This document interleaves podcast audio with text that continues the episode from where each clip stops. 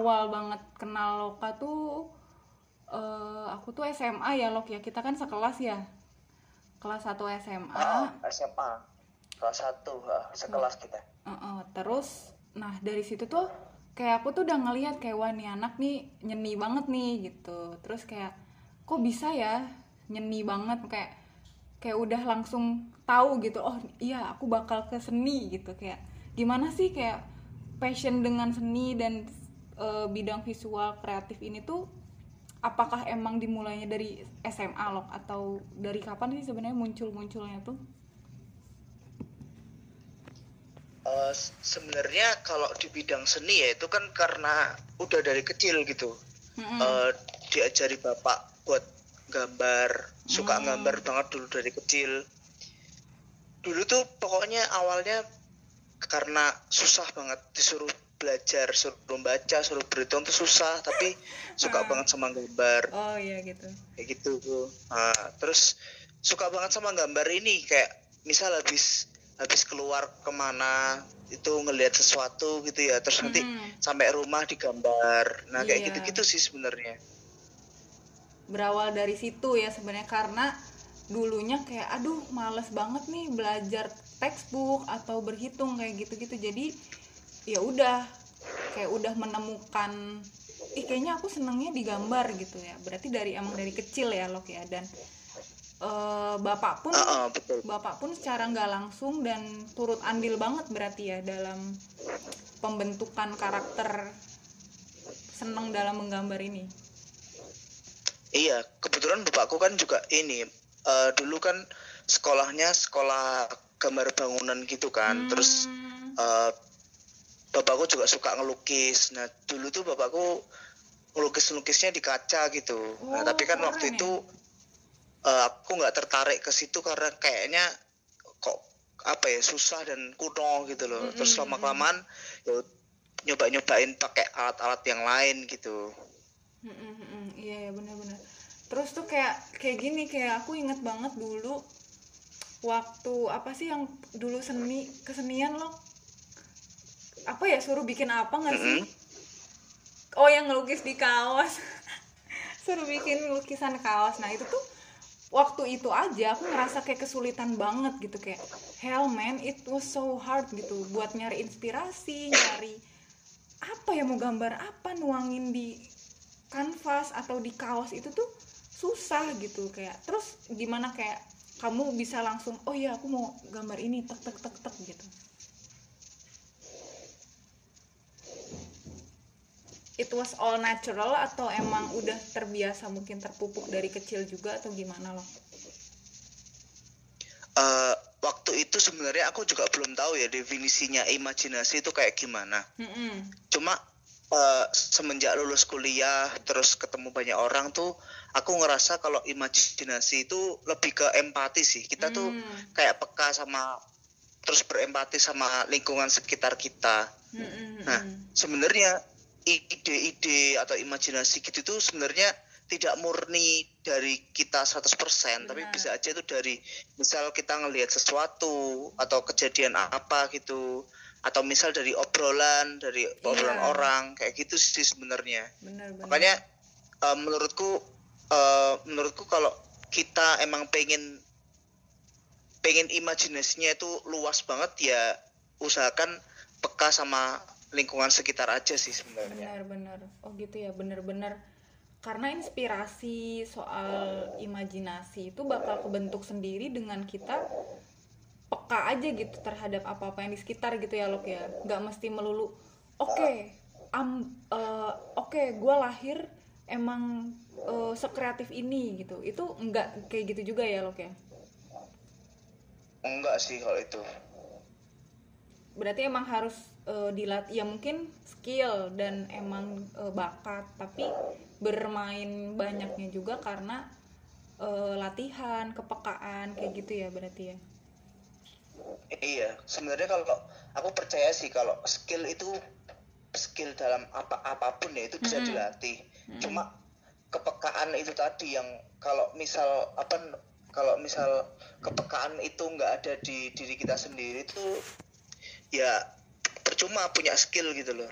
Iya bener bener bener karena kalau nggak diasah juga ya lama-lama bakal apa pudar gitu nggak sih? Mm-mm, betul betul. Bener. terus gini loh kayak kayak dulu kan kita pernah tuh eh, ngebolang kan kayak aku tuh inget banget kayak kamu ke mana-mana bawa not not apa sketchbook gitu. Dan ya udah gitu kayak kamu tuh effortlessly ya udah ngegambar nge-sketch gitu kayak bener-bener it's part of your life gitu loh kayak ih gila keren ya gitu. Kayak misalkan ke museum apa tuh yang waktu itu? Ke museum yang pesawat-pesawat itu loh di Jogja. Ha-ha. lupa aku. Iya iya. Iya itu. Terus kayak ngegambar di situ kayak how peaceful is that? gitu ya. Sebenarnya kayak eh bawa sketchbook ke mana-mana terus eh, ngelihat apa langsung digambar itu kok kayaknya asik gitu. Itu sebenarnya kamu lagi nge-build eh, apa ya nge-level up skill atau emang ya karena kamu senang aja ngelakuin itu loh? Oh ya ini berarti aku sekalian cerita ya. Ini tentang kegiatanku tuh namanya sketsa urban. Hmm, hmm. ya mm, kalau di di dunia yang lebih luas tuh urban sketching kalau di Wah, internasional keren, tuh sebutannya itu Mm-mm. Nah, terus apa namanya? eh, sebenarnya eh, kalau aku sendiri menganggap sketsa, sketsa urban itu sebagai ini sih sebenarnya relaksasi gitu loh. Mm-mm, benar Terus karena terapeutik eh, gitu eh, terus beru- ya, terus berusaha untuk peka sama sama lingkungan gitu loh. Misal kayak waktu itu kita kan ke museum Museum Dirgantara yang di Jogja itu kan Heeh. sebenarnya aku betul it sebenarnya tuh kayak eh relax gitu loh merel- merelaksasi diri menggambar dengan apa yang ada di depan di depan kita menggambar apa yang eh, apa adanya yang ada, ada di Hmm. depan kita gitu loh sebenarnya Mm-mm, mm-mm.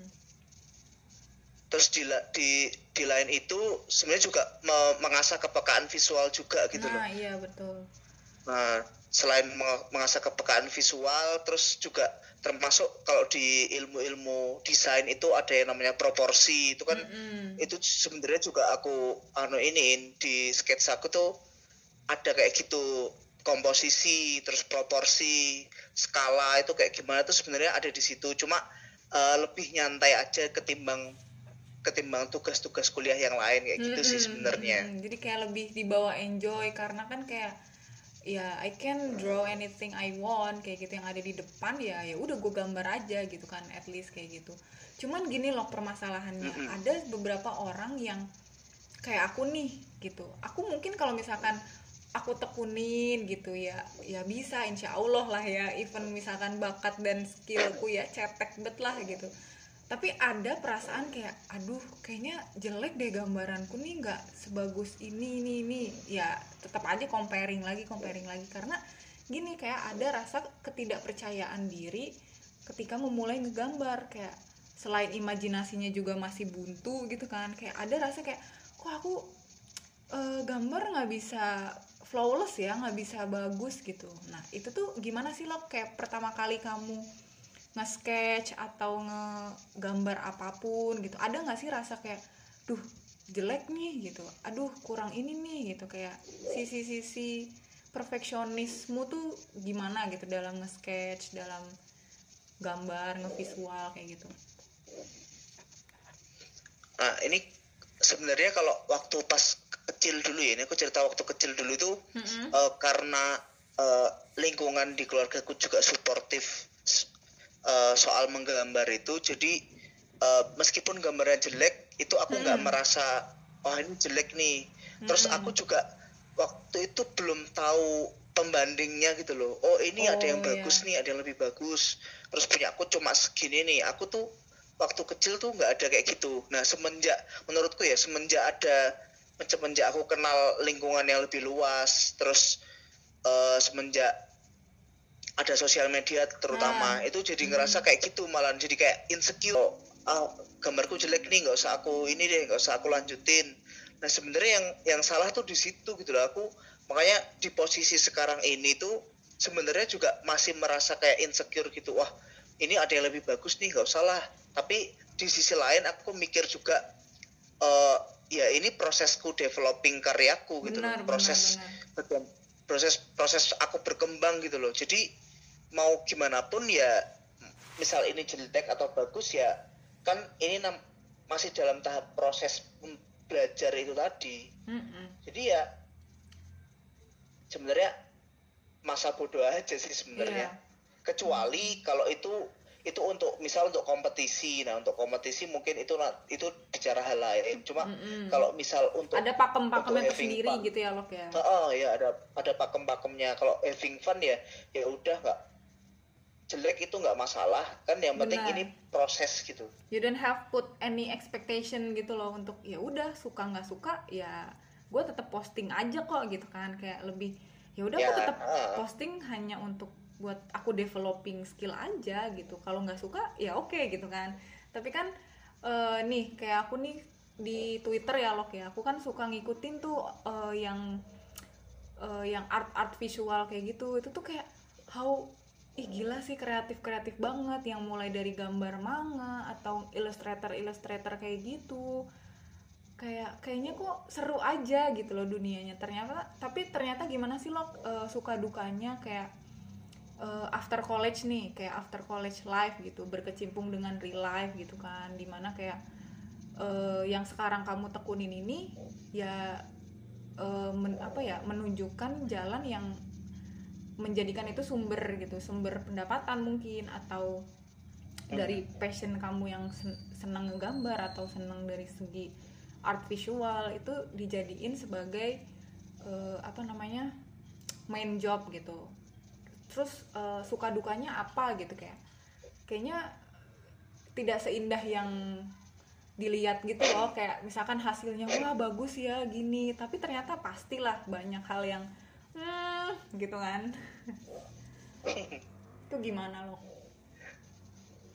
Sebenarnya eh, ini yang aku lakuin sekarang ini ada ada dua hal ya. Mm-mm. Eh, yang pertama itu yang pertama itu desain yang aku jadiin main jobku Mm-mm. sama sketsa urban itu yang eh, untuk ini sih sebenarnya untuk branding diriku gitu loh. Benar, aku benar. seorang urban sketcher. Mm-mm. Nah, itu jadi intinya tuh kayak dua dua hal yang satunya realistis, yang satunya idealis. Hmm, Kebetulan aku kerjanya juga masih di lingkungan yang yang orang-orangnya masih belum melihat desain itu sebagai hal yang penting gitu, masih ah, di nomor sekian kan gitu Iya. loh. benar. Nah kebetulan kan aku juga bekerja di ini apa namanya di salah satu studio eh, studio desain grafis yang Mm-mm. eh, lingkupnya itu tentang branding produk gitu. Oh, Oke. Nah, itu eh, susahnya sih jelas itu ya. Ini eh, kita tuh dukanya karena orang masih menganggap ini tuh masih sesuatu yang apa ya, masih out of their mind gitu loh. Iya, masih kayak gini dari- gak sih lo? It's not even mereka gitu. it's not even really a job job gitu kayak itu bahkan bukan apa itu bisa disebut like a job gitu kan kayak mereka tuh nggak tahu oh ternyata eh, kerja kayak gitu tuh ada ya gitu nggak sih jatuhnya Oh, betul, betul loh, Hmm. benar-benar. Nah itu tuh makanya eh, sebenarnya aku di posisi sekarang itu sekaligus kerja dan dan juga mengedukasi juga ke Hmm. beberapa klien gitu. iya iya Eh, sebenarnya desain itu kayak begini loh. Nah kalau aku yang aku pegang sampai sekarang ini dari dari kuliah itu ya desain tuh hadir sebagai solusi Mm-mm.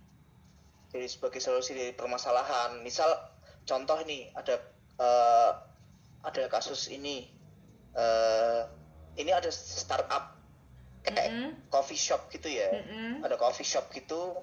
Dia itu udah udah ngelontorin uang banyak banget nih uang banyak banget buat alat-alat terus buat eh, interior kafenya itu mau dibikin kayak gimana gimana tapi iya. tapi dia tidak membranding itu secara keseluruhan. Dia Mm-mm. tidak mem, apa ya istilahnya itu ya? Memaintain membranding itu dengan baik gitu. Ha-ha, tidak memaintain itu dengan baik gitu loh. Jadi mulai dari eh, ini kafenya segmen pasarnya ke ke mana iya terus iya ini kafenya eh, apa misal specialty-nya apa. Nah itu tuh itu enggak tidak di maintain dengan baik. Nah desain itu hadir hadir sebagai solusi itu. Ngemasnya yang Iya. baik untuk itu Nah, si brand itu iya. kena ke masyarakat gimana kampanyenya gitu. Lewat cara-caranya tuh ada ya loh kayak dengan seni dan visual itu tadi gitu kan gitu. Jadi kayak itu yang ha, ngebawa ha, ha. pesan apa yang pengen si siapa owner eh, apa ya owner kasih ke para konsumer gitu. Itu tuh lewat itu tadi ya branding produk tadi gitu ya. Maksudnya tetap apa-apa Iya, lagi ha. visual gitu. Jadi sebenarnya eh, art visual itu it's very strong ya. Maksudnya powerful banget gitu dalam ngemas dan apa sih namanya loh kayak ngebungkus nge-wrap itu loh. Ide-ide terus campaign dan kayak gitu-gitu ya. Iya. benar terus oh ya gini sebenarnya di secara tidak sadar pun itu kan tadi secara ini ya kayak branding itu kayak eh, terlalu rumit ya kalau kita mikirnya. Nah, Mm-mm. se- secara tidak kita sadar desain itu sebenarnya udah deket banget sama kita gitu loh. Nah kan nah ini kebetulan kan backgroundku juga orang apa namanya eh, desain interior tapi kebetulan sekarang kerjanya di desain grafis Mm-mm. desain branding. Nah itu yang aku pelajari terutama di desain in, di ini wes. Eh, dosenku tuh pernah bilang gini eh, zaman dulu headset yang kita pakai itu warnanya rata-rata hitam semuanya Mm. Nah, terus eh terus tiba-tiba Apple Apple itu munculin Hmm. headset headset berwarna putih. putih that's why it's all Nah. became white gitu suddenly tiba-tiba trennya white semua headset ih Ah, ah, ah. putih putih putih gitu Mm-mm. Ya. Nah, kan di desain itu kan ada unsur satu unsur yaitu warna atau warna dan bentuk. color and Nah. shape mm-mm. Ya, terus habis itu eh, dulu kenapa headset warna hitam itu karena orang-orang itu malu malu eh, make headset yang berwarna-warna itu karena ya ya pengen disembunyiin aja. Nah, sedangkan Apple ini muncul dengan headset warna putih yang yang kalau kita mikir kan stand out gitu ya, terus Iya. kayak pengen pamer gitu kan. Mm-mm. Nah, nah sebenarnya itu desain itu se- sesimpel itu gitu loh. Apple itu Hmm. berusaha untuk masuk masuk di uh, lini penjualan headset itu yang oh aku pengen pakai warna putih karena aku pengen pamer. stand gitu. out heeh. pengen Nah, desain iya bener-bener sesimpel ya gue pengen bragging loh ini loh gue punya headset putih Apple gitu loh like itu juga bagian dari marketing gak sih lo jatuh-jatuhnya gitu kayak oh iya bagian itu dari merek juga. itu ya dari itu ya gitu oh gila keren banget ya sekarang orang jadi bener-bener kayak valuable apa ya social value gitu jatuhnya gitu Ah, itu ah. berawal dari desain ya how is powerful Iya. gitu kayak gila-gila Nah, bener kayak yang kamu bilang ini tadi, desain itu sebenarnya memberi value yang lebih untuk untuk semua hal gitu loh. Mm-mm. Iya, banget sih. Apa pun gitu dari kehidupan kita deh, gak bisa lepas dari desain sih. Kayak sekarang deh, eh, misalkan produk apa, kan pasti yang dilihat kemasannya lah atau outlooknya dulu gimana gitu. Itu kalau misalkan itu nggak eh, di maintain dengan baik, pasti kan ya sasarannya kurang tepat lah atau apa gitu kan ya Lok ya. Heeh, betul banget itu. Heeh. Iya, terus balik lagi yang tadi deh eh, Lok yang apa eh, main job sama yang kamu bilang apa tuh urban sketch Yang idealis itu. Mm-mm, idealis dan dan apa untuk Ah. penghidupan gitu how you manage all Iya. that gitu eh, untuk sekarang ini di level ini aku eh, urban sketch itu ya kenapa aku bilang idealis karena ya aku tidak tidak sepenuhnya bergantung maksudnya bergantung pendapatan dari urban sketch Mm-mm. jadi aku intinya ya berkarya terus gitu loh developing karya developing karya terus nah terus eh, selain developing karya itu tadi aku juga beberapa kali ngisi kayak webinar juga webinar wah keren Mm-mm. misal webinar tentang urban sketch Iya. terus watercolor gitu-gitu Mm-mm. nah sebenarnya di situ ya intinya sharing aja sih buat Benar. sharing ilmu Tapi emang eh, apa ya interest kamu tuh di itu ya urban sketch ya, lo? Berarti. sebenarnya itu eh, itu tuh itu muncul muncul itu karena eh, ini sih karena tahu ada komunitas itu di Jogja Mm-mm. terus kok kayaknya seru nih ikut ikut komunitas ini gitu apalagi dosenku waktu kuliah itu juga ikut di komunitas itu. Jadi ya ya udah ikutan aja gitu. Iya iya iya. Keren gitu. Maksudnya bisa ketemu orang banyak yang punya interest sama terus bisa ngebuka Ah, wawasan betul, juga ya ke tempat-tempat. Ya kan? Jadi kayak jatuhnya kayak traveling gitu tapi sambil juga relaxing eh, relaxing apa sih? Belibet bet. Eh, relaksasi menuangkannya lewat sketsa tadi gitu kan. Syukur-syukur di up terus ada yang suka eh gila bagus bro pengen deh eh, ini diajak collab. Ya kan siapa tahu maksudnya itu membuka jalan yang lain gitu nggak sih? Nah sebenarnya di sketsa urban ini tuh eh, aku merasanya kayak itu juga membuat aku kenal sama orang yang lebih leb- yang lebih pro juga yang terus market yang lebih luas juga. Eh, sempat kemarin itu juga diajakin sama ini apa namanya eh sama yang udah legend banget di Indonesia itu namanya namanya eh, Mas Nino. Kalau Instagramnya kalian bisa cek itu di coretan Nino. Nah itu tuh Mm, oke cek ya guys habis ini. Kayak ah, itu rasanya seneng banget gitu loh bisa diajak. Eh Gila, ayo. keren banget. eh ayo. Ayo ayo dong collab. Apa namanya? Eh, kamu kan di Jogja nih kamu Mm-mm. bikin bikin yang bikin yang ada di Jogja. Nah terus ini kan eh, teman-teman satu Indonesia ini ada yang ada yang dari Bandung ada yang dari Jakarta ada yang dari Lombok gitu. Mm-mm. pokoknya banyak di waktu itu. Nah itu collab bareng. karena sket eh, eh, karena sketsa urban itu aku jadi kayak kayak punya temen gitu loh. Kayak Ih, tahu-tahu punya temen loh. di mana di mana kayak gitu gitu Sumpah keren banget sih itu. Kayak itu suatu pengalaman yang nggak bak apa ya awalnya kamu nggak duga gitu loh bakal oh ya ternyata aku berkecimpung di sini gitu loh karena ya aku eh, apa ya effortlessly aja nge-sketch nge-sketch gitu karena portofolio yang nggak sengaja bukan nggak sengaja ya kayak ya emang aku udah nge-build up skill dan habit untuk eh, nge-up portofolio aku di Instagram secara nggak langsung kan itu jadi portofolio kamu kan loh iya benar.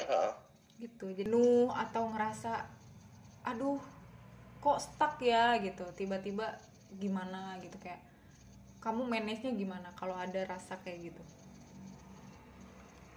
Eh, kalau jenuh ya? Itu tuh pernah aku alamin ya pas waktu pas waktu masih di Jogja waktu itu aku pernah sesekali itu kayak jenuh banget gitu gambar kayak gitu gitu, gitu Hmm. terus. Ya aku cara manage-nya ya sebenarnya dengan tidak dengan berhenti dulu menggambar dan ngobrol ngobrol atau nontonin orang gambar. Itu kayaknya apa ya kayak ngembaliin ngembaliin ini lagi kayak ngembaliin mood ngembaliin oh aku pengen gambar lagi nih kayak gitu sih sebenarnya. Malah harus dijeda Makanya dulu ya gitu. Heeh. Heeh, makanya kenapa aku ikut komunitas itu tuh sebenarnya nggak melulu aku gambar di nggak gambar terus terusan kadang-kadang aku juga cuman nontonin orang gambar aja gitu. Terus Hmm. nanti selanjut selanjutnya tuh kayak merasa apa namanya merasa terpanggil lagi gitu. Aku Mm-mm. harus oh gambar lagi nih. gitu. Kayak gitu sih. Bener bener bener. Eh keren sih lo kayak aku ngelihat apa ya kurang lebih nih tahu kan kayak aku perjalanan kamu dulu di SMA terus waktu kuliah juga kita apa ya berapa kali ketemu kan terus kayak apa ya liatnya tuh fun aja gitu kayak ih kayaknya enak nih hidupnya lu enak-enak aja nih kayaknya gambar terus kayak happy happy terus nge-sketch nge-sketch apalagi sekarang kan eh apa di bidang kreatif dan digital visual visual art kayak gitu kan banyak banget. Wah pasti makmur nih gitu. Aku mikirnya kayak wow itu was gonna fun gitu loh all along the way. Kayaknya pasti happy happy aja deh gitu. Kayaknya kayaknya nggak nggak ada deh rasa uh, ngerasain di titik terendah. Karena pertama gini aku ngelihatnya it was your uh, interest gitu loh dari awal sampai kamu memutuskan untuk di jalan ini tuh semua ini emang kayak kamu tuh udah nemuin oke okay, passion aku dan jalan aku emang di seni gitu. Kayak ya udah aku bakal jalanin ini sampai besok gitu kayak kayak gitu loh aku ngelihatnya loh. Jadi kayak ah kayaknya juga kalau misalkan ada kondisi di mana lagi uh, di titik terendah kayaknya juga gak lama-lama juga sih maksudnya berkecimpung di situ gitu. Pasti ntar up lagi gitu loh. Kalau aku sih liatnya gitu ya dari luar gitu. Tapi mungkin ada nggak? Kayak ada hal-hal aduh ternyata di pekerja seni atau pekerja bidang kreatif tuh titik terendahnya uh, dari dalam diri atau tadi yang di luar apa faktor luar tadi yang kayak orang-orang masih belum nganggap itu gitu. Tapi kamu nyikapinnya itu gimana sih lo kayak uh, biar apa ya ngejalaninnya tuh enteng terus kayak ya udah gitu. Aku emang di sini gitu loh. Kayak kok tek gitu. Kayak udah langsung tek gitu. Sebenarnya aku tuh pernah ada di posisi terendah di kayak ano ini ya stuck gitu loh. Mm -mm. sama berkarya itu stuck banget. Itu pas waktu ya pas waktu tugas akhir sih sebenarnya. Mm -mm itu tuh kayak bener-bener apa ya tugas akhirku juga ada gambarnya. Aku mau keluar jalan-jalan itu juga maksud jalan-jalan gambar lagi tuh kayak uh, ini sih kayak aduh kepikiran tugas akhirku gitu loh. Iya iya iya. Uh, terus I know that feel sebenarnya iya.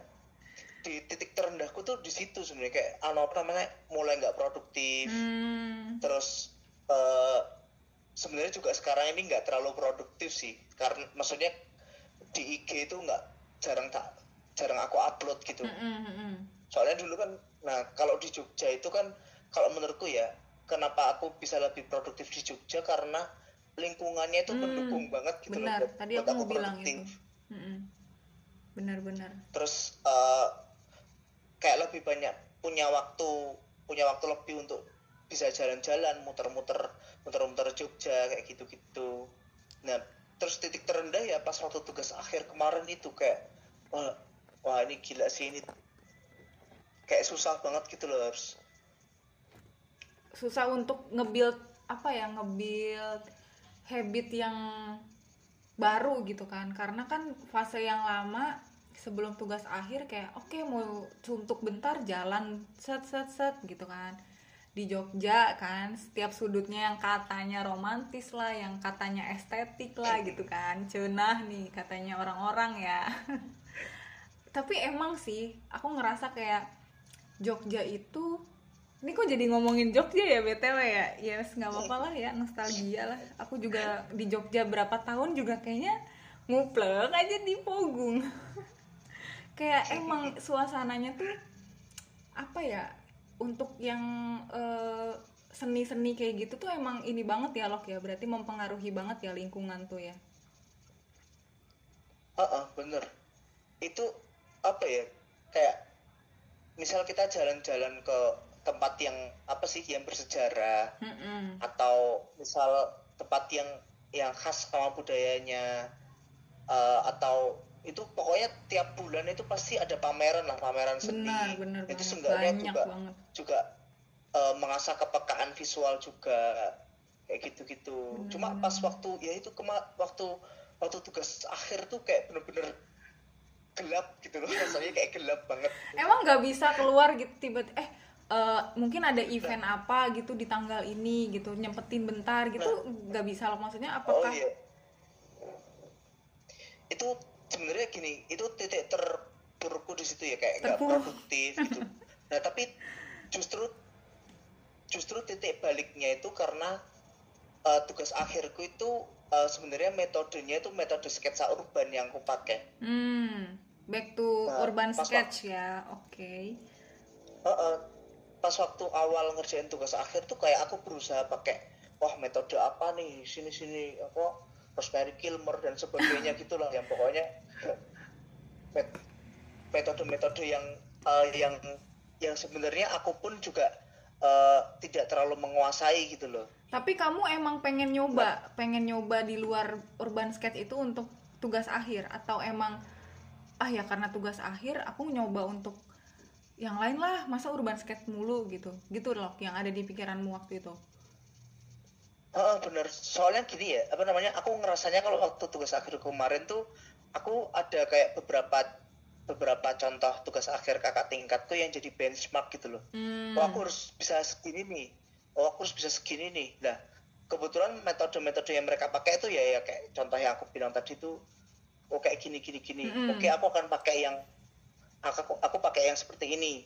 Tapi ternyata pada akhirnya juga uh, aku nggak nguasain terus habis itu aku nggak bisa bicara banyak gitu loh tentang mm-hmm. tentang tugas akhirku kalau pakai metode itu. Benar-benar nah terus nah terus titik baliknya itu karena uh, karena waktu itu aku oh ingatku aku sempat sempat gambar lagi setelah nggak gambar lama itu ke kalau nggak salah ke kota gede kalau nggak salah kota gede yang waktu itu, loh yang waktu kita apa tuh ke masjid apa tuh? Uh, bener ke situ ke itu ya, ini banget Mataram. sih magical banget sih aku ngerasa kayak gila nih tempat gila bagus banget sumpah. Keren keren keren. Nah aku uh, aku nggak tahu ya kenapa waktu aku ke situ habis pokoknya habis sholat terus duduk-duduk di serambi itu aku kayak ngerasa wah kalau tugas akhirku gini terus ini aku nggak nggak akan selesai gitu loh. Mm -hmm. terus terus pada aku coba buka sketch sketch buku aku gambar di situ sambil gambar tuh aja aku, aku kepikiran tugas akhirku gitu iya benar-benar terus habis itu aku sampai di situ tuh aku sampai mikir loh kenapa aku nggak pakai metode ini ya? Metode sketsa urban ini gitu. Mm-hmm. terus uh, jadi kayak lebih mengerucut gitu loh uh, mm-hmm. oh aku pengennya itu karena metodenya begini nanti hasilnya akan seperti ini nah terus ya gara-gara itu aku coba konsulin ke dosenku dosenku juga langsung klik gitu oh mm -hmm. ya yaudah itu aja gitu loh daripada daripada kamu harus uh, pakai metode yang ini ini jungkir balik gini gini gini dan ternyata pakai metode sketsa urban tuh malah kayak uh, gitu langsung kayak dapet gitu loh. you find yourself again gitu nggak sih lo? Kayak ih gila coy ini yang kemarin gue cari gitu. Iya uh -uh, iya bener.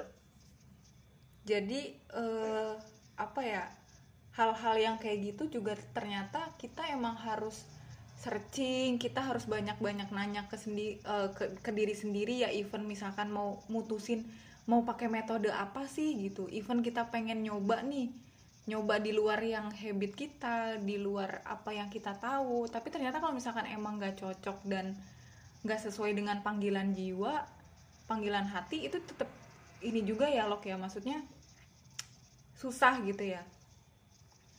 Uh, kalau aku di di posisi ini tuh aku menganggap kalau uh, berkarya itu harusnya apa ya yang deket aja sama diri kita gitu loh. Benar setuju sih.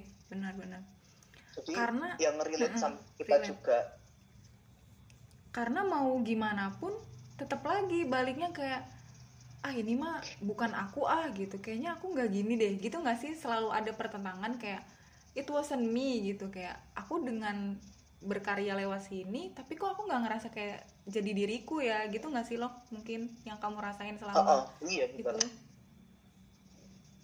hmm, gitu. ya intinya sih apa ya kayak jujur aja gitu loh mm -mm. uh, uh, ya udah yang yang ada ya kayak begini terus yang deket sama kita ya kayak begini gitu aja sih benar benar benar jadi intinya kayak gak usah lah uh, terlalu uh, muluk-muluk pengen ngeimpress orang lain gitu kalau itu ternyata jauh ah. dari apa yang kita uh, apa ya yang gak relate sama kita buat apa gitu kan loh ya. Kan banyak yang kayak mungkin oh, bener, bener. ngejar ekspektasi oke okay, gue harus bisa nih nge-level up skill tapi ternyata nggak deket gitu sama apa yang dikerjain sekarang gitu. Apa yang dilaluin tuh kayaknya kok susah gitu. Ya mungkin boleh ya dalam se dalam apa ya dalam proses mungkin boleh mencoba metode lain. Cuman itu tadi ya kayak kunciannya tuh harus pertama dari hati dan relate dengan kita gitu ya. Keren keren bener. Banyak banyak belajar banyak nih coy. Dari visual doang tuh karena apa ya? Eh aku lihatnya tuh kayak seni visual tuh nggak wah itu rumit banget sih. Di belakang itu pasti banyak banyak banget nilai-nilai yang apa ya?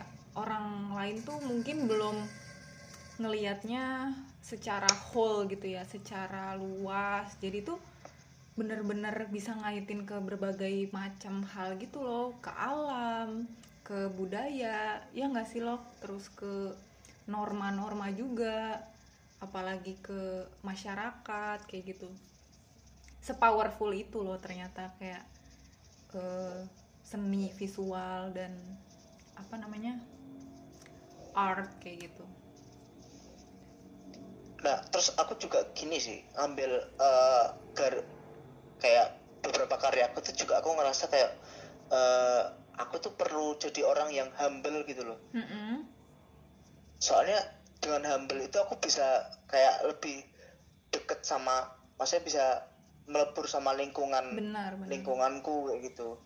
Contoh be- beberapa karyaku tuh ada yang kayak eh selain aku gambar di situ, aku juga bisa ngobrol sama orang lain, Ngob- terutama ngobrol sama orang yang lebih tua ya. Jadi kayak Mm-mm. eh, dan aku merasa kayak aku orang lokal situ gitu loh wak- Mm-mm. waktu itu gitu. Waktu aku waktu masih di Jogja itu kayak ngerasa aku kayak diterima banget di situ ngobrolnya juga enak. Terus eh, aku gambar pun juga aku puas dengan hasilnya gitu loh. Aku Mm-mm, bisa benar, menceritakan banyak menceritakan banyak tentang hal itu gitu. Benar benar jadi ketika emang kita mau eh create suatu misalkan urban eh, maksudnya nge-create sketch gitu kita juga harus mempertimbangkan dan memperhitungkan kedekatan kita dengan eh, objek yang mau kita gambar gitu nggak sih Lok? Jadi biar nanti tuh hasilnya Heeh, bener natural dan itu tuh bi- berbicara sendiri gitu loh. Kayak pernah nggak sih kamu ngelihat kayak misalkan di lukisan aku emang ini sih kayak pengalamanku untuk ke apa ya eh, event-event yang apa sih namanya pameran-pameran kayak gitu kurang banget kan. Art jok aja aku kelewatan berapa kali loh sebel banget aku kayak kenapa sih nggak pernah bisa ke art jok ya Allah gitu kan. Padahal kan kayak di situ banyak banget kan dari eh, seniman-seniman siapa aja gini-gini. Terus aku mikir kayak aku pernah tuh lihat ya even di internet di Twitter gitu kan. Aku suka lihat-lihat Illustrator kayak gitu terus kayak ih kok ini gambarannya tuh bagus ya tapi bagusnya tuh gimana ya? Kayak nge-trigger aku buat apa ya nge-trigger aku buat yang seneng aja gitu kayak happy. Terus jadi kayak liatnya juga happy seneng. Jadi kayak positive vibe gitu loh. Terus aku ngeliat oh iya ya kalau mungkin emang dia ngerjainnya bener-bener dari hati banget. Jadi what it's uh, she or he creates bener-bener speak up gitu loh dari hasil karyanya itu gitu Nah itu beberapa, ah ini juga termasuk ya, ini beberapa karyaku juga sebenarnya itu untuk menceritakan gitu apa yang ada di situ gitu. Mm-mm, mm-mm. Cuma memang eh, mungkin di posisi ini karena aku eh, karena aku ngambilnya kan, maksudnya ngambil interestnya kan sketsa urban, jadi gambarnya ya harus obvious gitu kayak, Mm-mm. oh ini misal gambar contoh yang kemarin terakhir di Jogja itu gambar eh, wedang Bumarsui Mm-mm. itu di Di mana? itu daerah di- mana bener-bener di tengah itu bener-bener di tengahnya pasar ngasem. Ngasem tuh mana sih? Daerah mana sih? Pasar pasar ngasem tuh deketnya taman sari. Oh se se se. Emang ada pasar sekitar situ Taman Sari mainmu Lurus. main mainmu mainmu kurang jauh gin. Asem nih. Kelihatan banget nggak pernah main ya. Woi mohon maaf nih. Ya oke Nah, gitu itu tuh- deh pasar asem nah ya. itu di eh, itu bener-bener di tengah pasar dan dan kalau kita nggak berusaha untuk cari spot. anu itu tadi eh, wedang Bumarsui itu ya kita nggak akan dapet gitu loh. Hmm, emang itu legend ini ya legend ya wedangnya si ibu Marsui itu? Kalau kat- kalau kata orang situ sih ini ya udah udah berapa puluh tahun gitu loh di situ. Wow. berarti sama keren sih. Nah hal-hal yang kayak gitu ya yang kamu coba untuk capture dan kamu sketch bahwa oh ini loh mengenalkan ke orang juga gitu nggak sih? Heeh, itu nah aku sampai coba cari di situ dan kan biasanya ibunya tuh jualannya pagi nih Mm-mm. pagi cuma sampai jam berapa gitu nah terus dan sampai masuk ke dalam pasar terus aku duduk di antara orang-orang yang juga apa nongkrong di situ juga Mm-mm. rata-rata sih bapak-bapak ya di situ ya nah Heeh. terus dan aku juga dapat ini ternyata bapak-bapak ini sebenarnya eh, seorang ini pelukis. Oh kayak kom- komunitas pelukis gitu. Mm-mm. nah terus mereka tuh sering banget ngadain ini ngadain apa namanya eh, ngadain kumpul-kumpulnya justru di, di di pasar ngasem itu. Oh. Dan eh, dan minumnya di di bedang Bumarsui itu. Mm-mm. keren Nah, keren makanya aku kenapa aku bilang aku merasa diterima kayak orang lokal di situ ya karena a- yang asalnya aku nggak aku nggak tahu nih ada orang ada komunitas itu aku kayak tahu karena aku berusaha ngobrol sama di situ dan interact dan orangnya interact ramah dengan banget itu ya. gitu. interact dengan mereka. Heeh. dan aktivitas yang kamu lakukan pun ketika di sana itu bukan sesuatu hal yang asing lagi gak sih? Jadi kayak it was all ya udah it is what it is gitu. Jadi kayak ya udah memang sepertinya seperti biasanya juga ada yang seperti ini gitu ada yang kayak kamu yang lagi iseng aja tiba-tiba ya udah nge-sketch kayak gitu karena ya itu tadi lingkungan sih bener ya Lok ya bener se semendukung itu gitu Heeh. Nah itu terus eh, selain itu eh, aku merasanya kalau aku bisa bisa misal ngobrol sama orang yang ada di sekitar situ tuh eh, cerita dalam gambarku tuh semakin banyak gitu loh. bener bener bener jadi tuh Nah, nggak cuman makanya- yang apa yang terlihat doang nggak sih lo kamu bisa nambahin dari apa-apa yang kamu denger apa yang kamu hasil interaksi detail-detail yang yang nggak orang lihat dengan mata itu loh. Kamu bisa nambahinnya ya hasil dari brainstorming sama orang gitu nggak sih? Ih keren banget sih itu pasti. Heeh. parah. Nah it- itu kan nah itu kan kalau itu kan tentang eh, gambar tentang ini ya tentang eh, orang dan kegiatan gitu ya. Mm-mm. soalnya kan ada Bumarsui sama sama kegiatannya gitu. Nah ini aku pernah juga aku nggambar eh, di kota gede itu di pasar sama di gang masjid belakang ya gang belakang masjid kota gede. Mm-mm. Nah di nah kalau di situ aku kayak apa ya?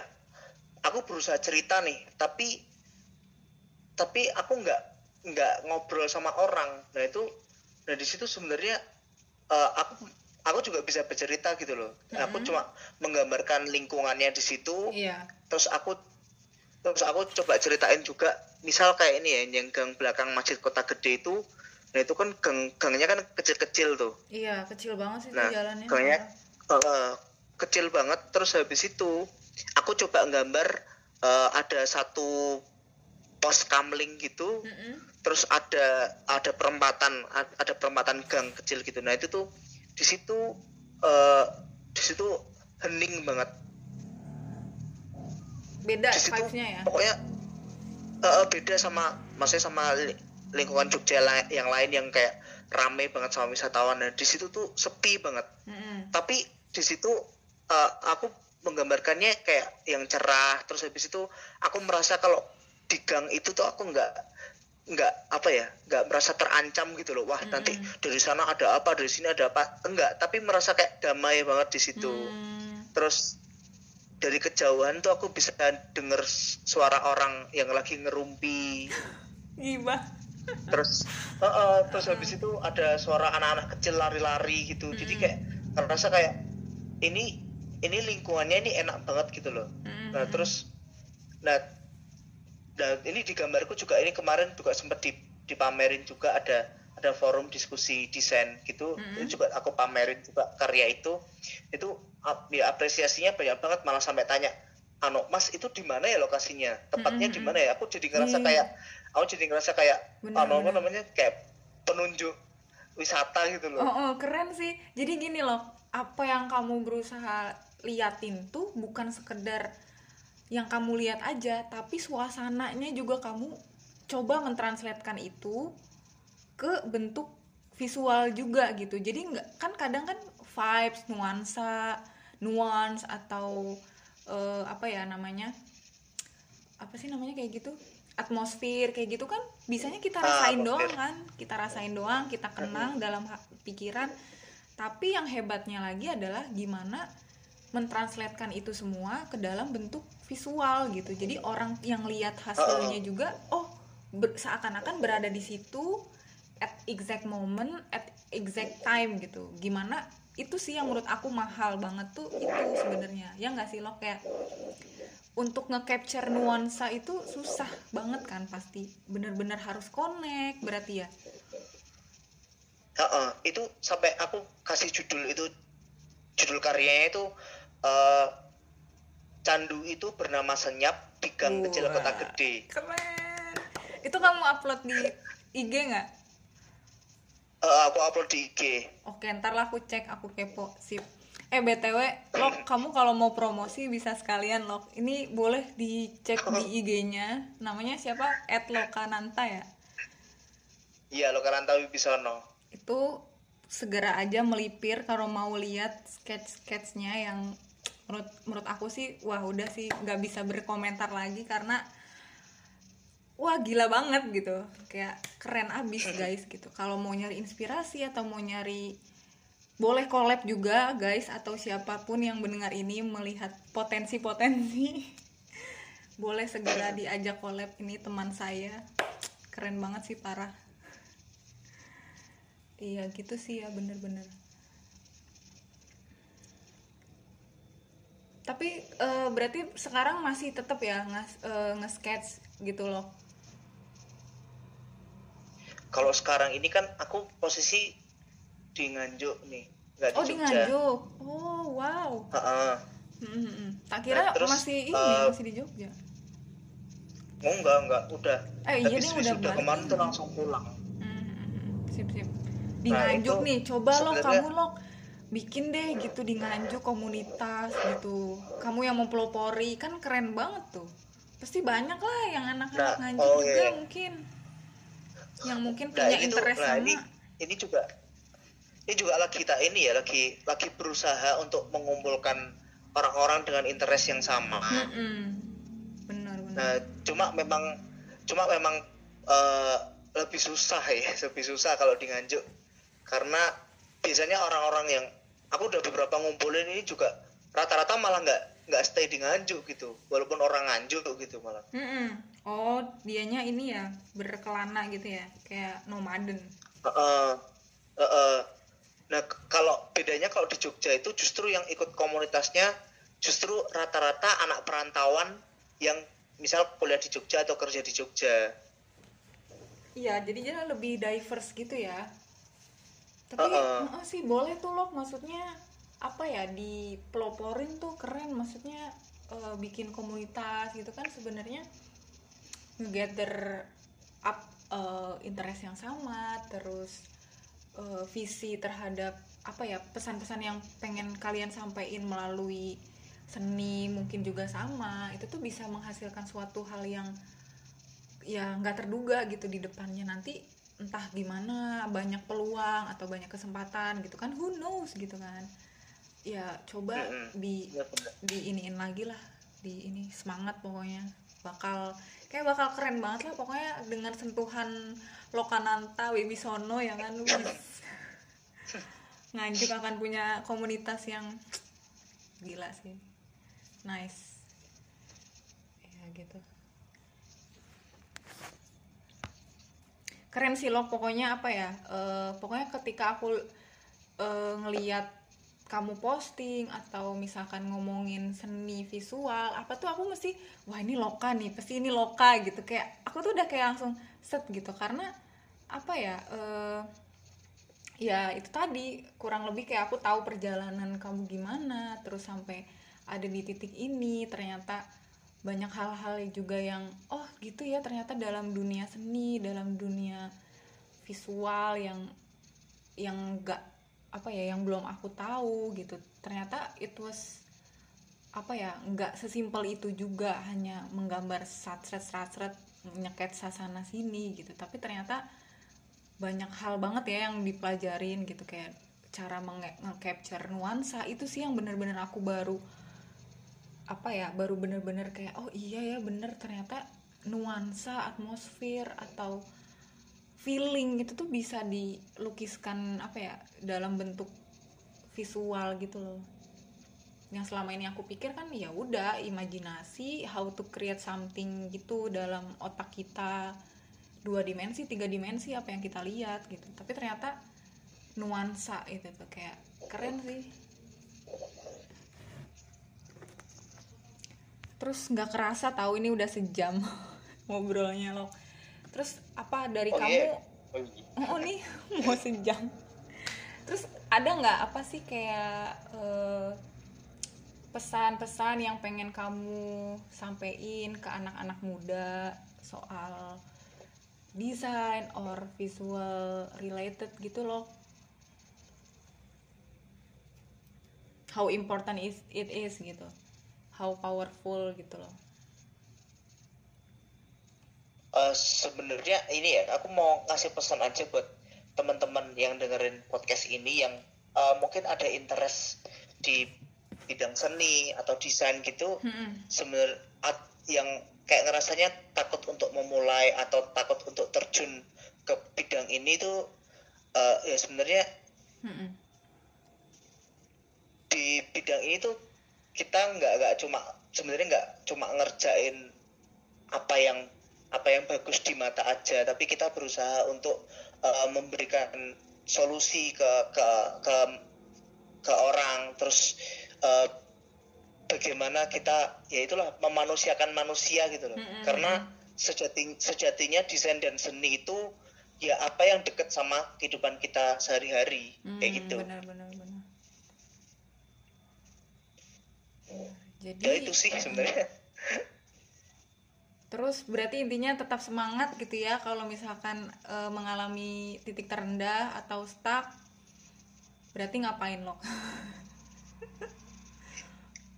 kalau eh, sebenarnya re- refleksi diri aja sih ngelihat ngelihat balik ke diri sendiri dulu gitu loh kayak Mm-mm. eh, misal ad- ya contoh aku tadi ya kayak aku aku harus cari ke mana-mana jungkir balik gini-gini pak ano ternyata tuh kalau aku ngelihat ke diriku lagi aku kan bisa ini kenapa aku nggak melakukannya dengan cara ini gitu loh Hmm, hmm. Nah, ya itu sih balik lagi ke diri sendiri aja sih Oke, sebenarnya sip. Jadi ke mana pun nyari-nyari ke mana ya udah baliknya pulangnya ke diri sendiri aja dulu gitu. keren keren sip. Iya. Karena emang emang kayak gitu kan mau seancur-ancurnya kita pun gitu ya baliknya tetap ke diri sendiri men gitu. Ini jadi kenapa jadi self empowerment ya?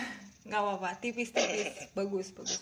Tapi serius deh loh maksudnya obrolan kali ini tuh seneng banget aku kayak banyak banget dapet hal yang baru gitu yang bener-bener kayak ih belajar banyak banget terus dapat info dan dapat hal-hal yang baru banget gitu dari dunia seni dan apa namanya visual art gitu kayak keren lah pokoknya terus berkarya lah lo ya. Terus eh, selalu rajin nge-up portofolio di IG gitu kan. Semangat. Ya, makasih udah diundang ya. ya sama-sama. Next time eh, ini lagi lah kita update kehidupan lagi Oke guys, sampai di sini dulu obrolan kita. Next lanjut episode. See you in another episode. Bye bye.